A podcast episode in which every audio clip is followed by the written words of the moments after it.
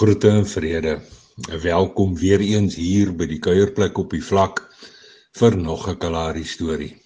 My naam is Haie Kronje en ek in die mooiste mooi woon, werk en kerk hier aan die vergeetkant van die land.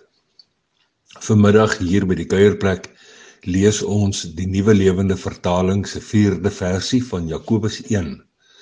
En daar staan geskrywe: Julle moet egter end uit volhard dan sal julle julle lewensdoel bereik en geestelik gesond wees.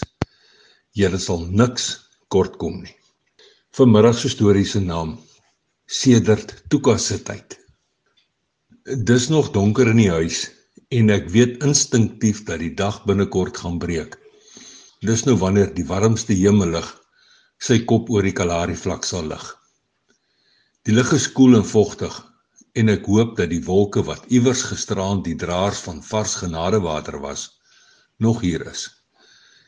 Die laaste klompie dae se hittigheid was maar erg in die sweet baie. Katvoet klim ek van die bed af sodat die mooiste mooi snoesig in Droomland kan kuier. Ek wil buite toe. Ek wil buite hier by die kuierplek op die vlak gaan sit met my Bybel en my oranje koffiebeker. Dit is waar ek wil wees as die dag breek. In al my ongeduldigheid voel dit kompleet asof die son vandag laat slaap. Ek weet ek is ongeduldig want van 'n gewag hou ek net mooi niks nie. Intussen loop my oë wyd oor die Kalahari vlak heen. En net bo kan die ver duine in die ooste probeer 'n groot wolkkomberg sy bes om die son vas te druk. Op daardie selfde oomblik, dink ek eers aan Job van Ouds wat gedetermineerd en volhard het in sy onberisplike optrede toe alles vir hom skeef geloop het. Selfs toe sy eg hom daarmee gekonfronteer het, het hy soos 'n ankerpaal bly staan en gesê dat sy soos iemand praat wat net mooi niks verstaan nie. Daarna herinner die Heilige Gees my aan Jakobus van Ouds se woorde om te volhard tot die einde toe.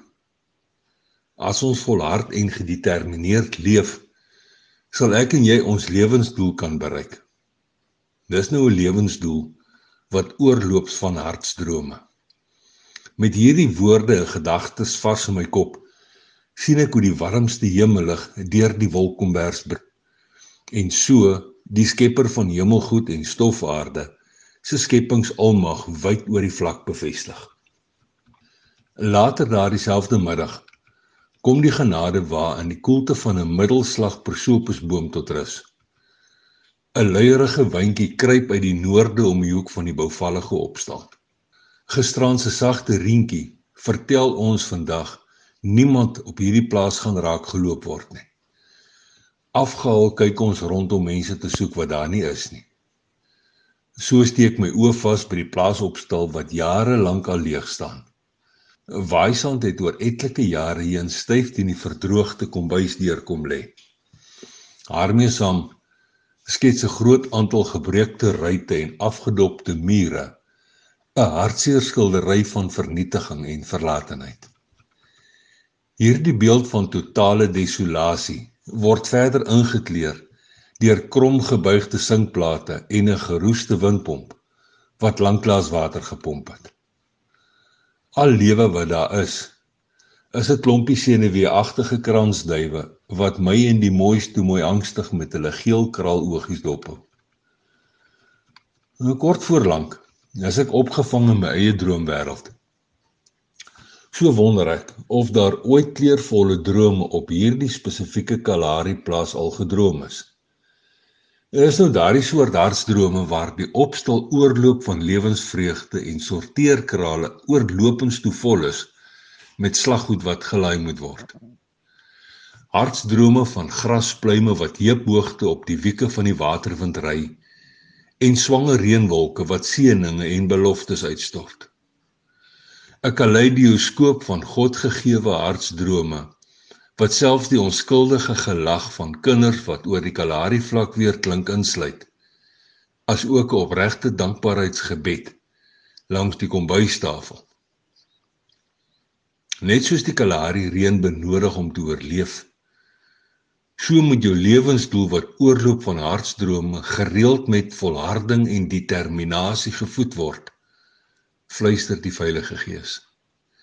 En daarsonder sal enige lewensdroom net soos hierdie opstal stelselmatig verwaarloos en uiteindelik vernietig word. Onthou verwaarlosing, vernietiging en desolasie sal altyd op 'n lewe sonder volharding en determinasie volg. Skielik staan stil en ek begin wonder. Ek wonder oor die legio hartsdrome van die mens wat verwaarloos word. En daarmee saam wonder ek oor hoeveel mense goed die najag van hulle unieke lewensdoel afgeskeep het. 'n Godgegewe lewensdoel wat sedert Tukas se tyd verwaarloos en verniel is vanweë die mens se grouwe nalatigheid, laksheid en agterloosigheid. En ek wonder of hierdie vernietiging van ons lewensdrome maar net is omdat ons so maklik sonder die hulp van die kerelkind van God en die inspraak van die Heilige Gees probeer leef. Nou ja toe. Tot 'n volgende keer. Los mooi spore en sandkorrelbaai seëninge.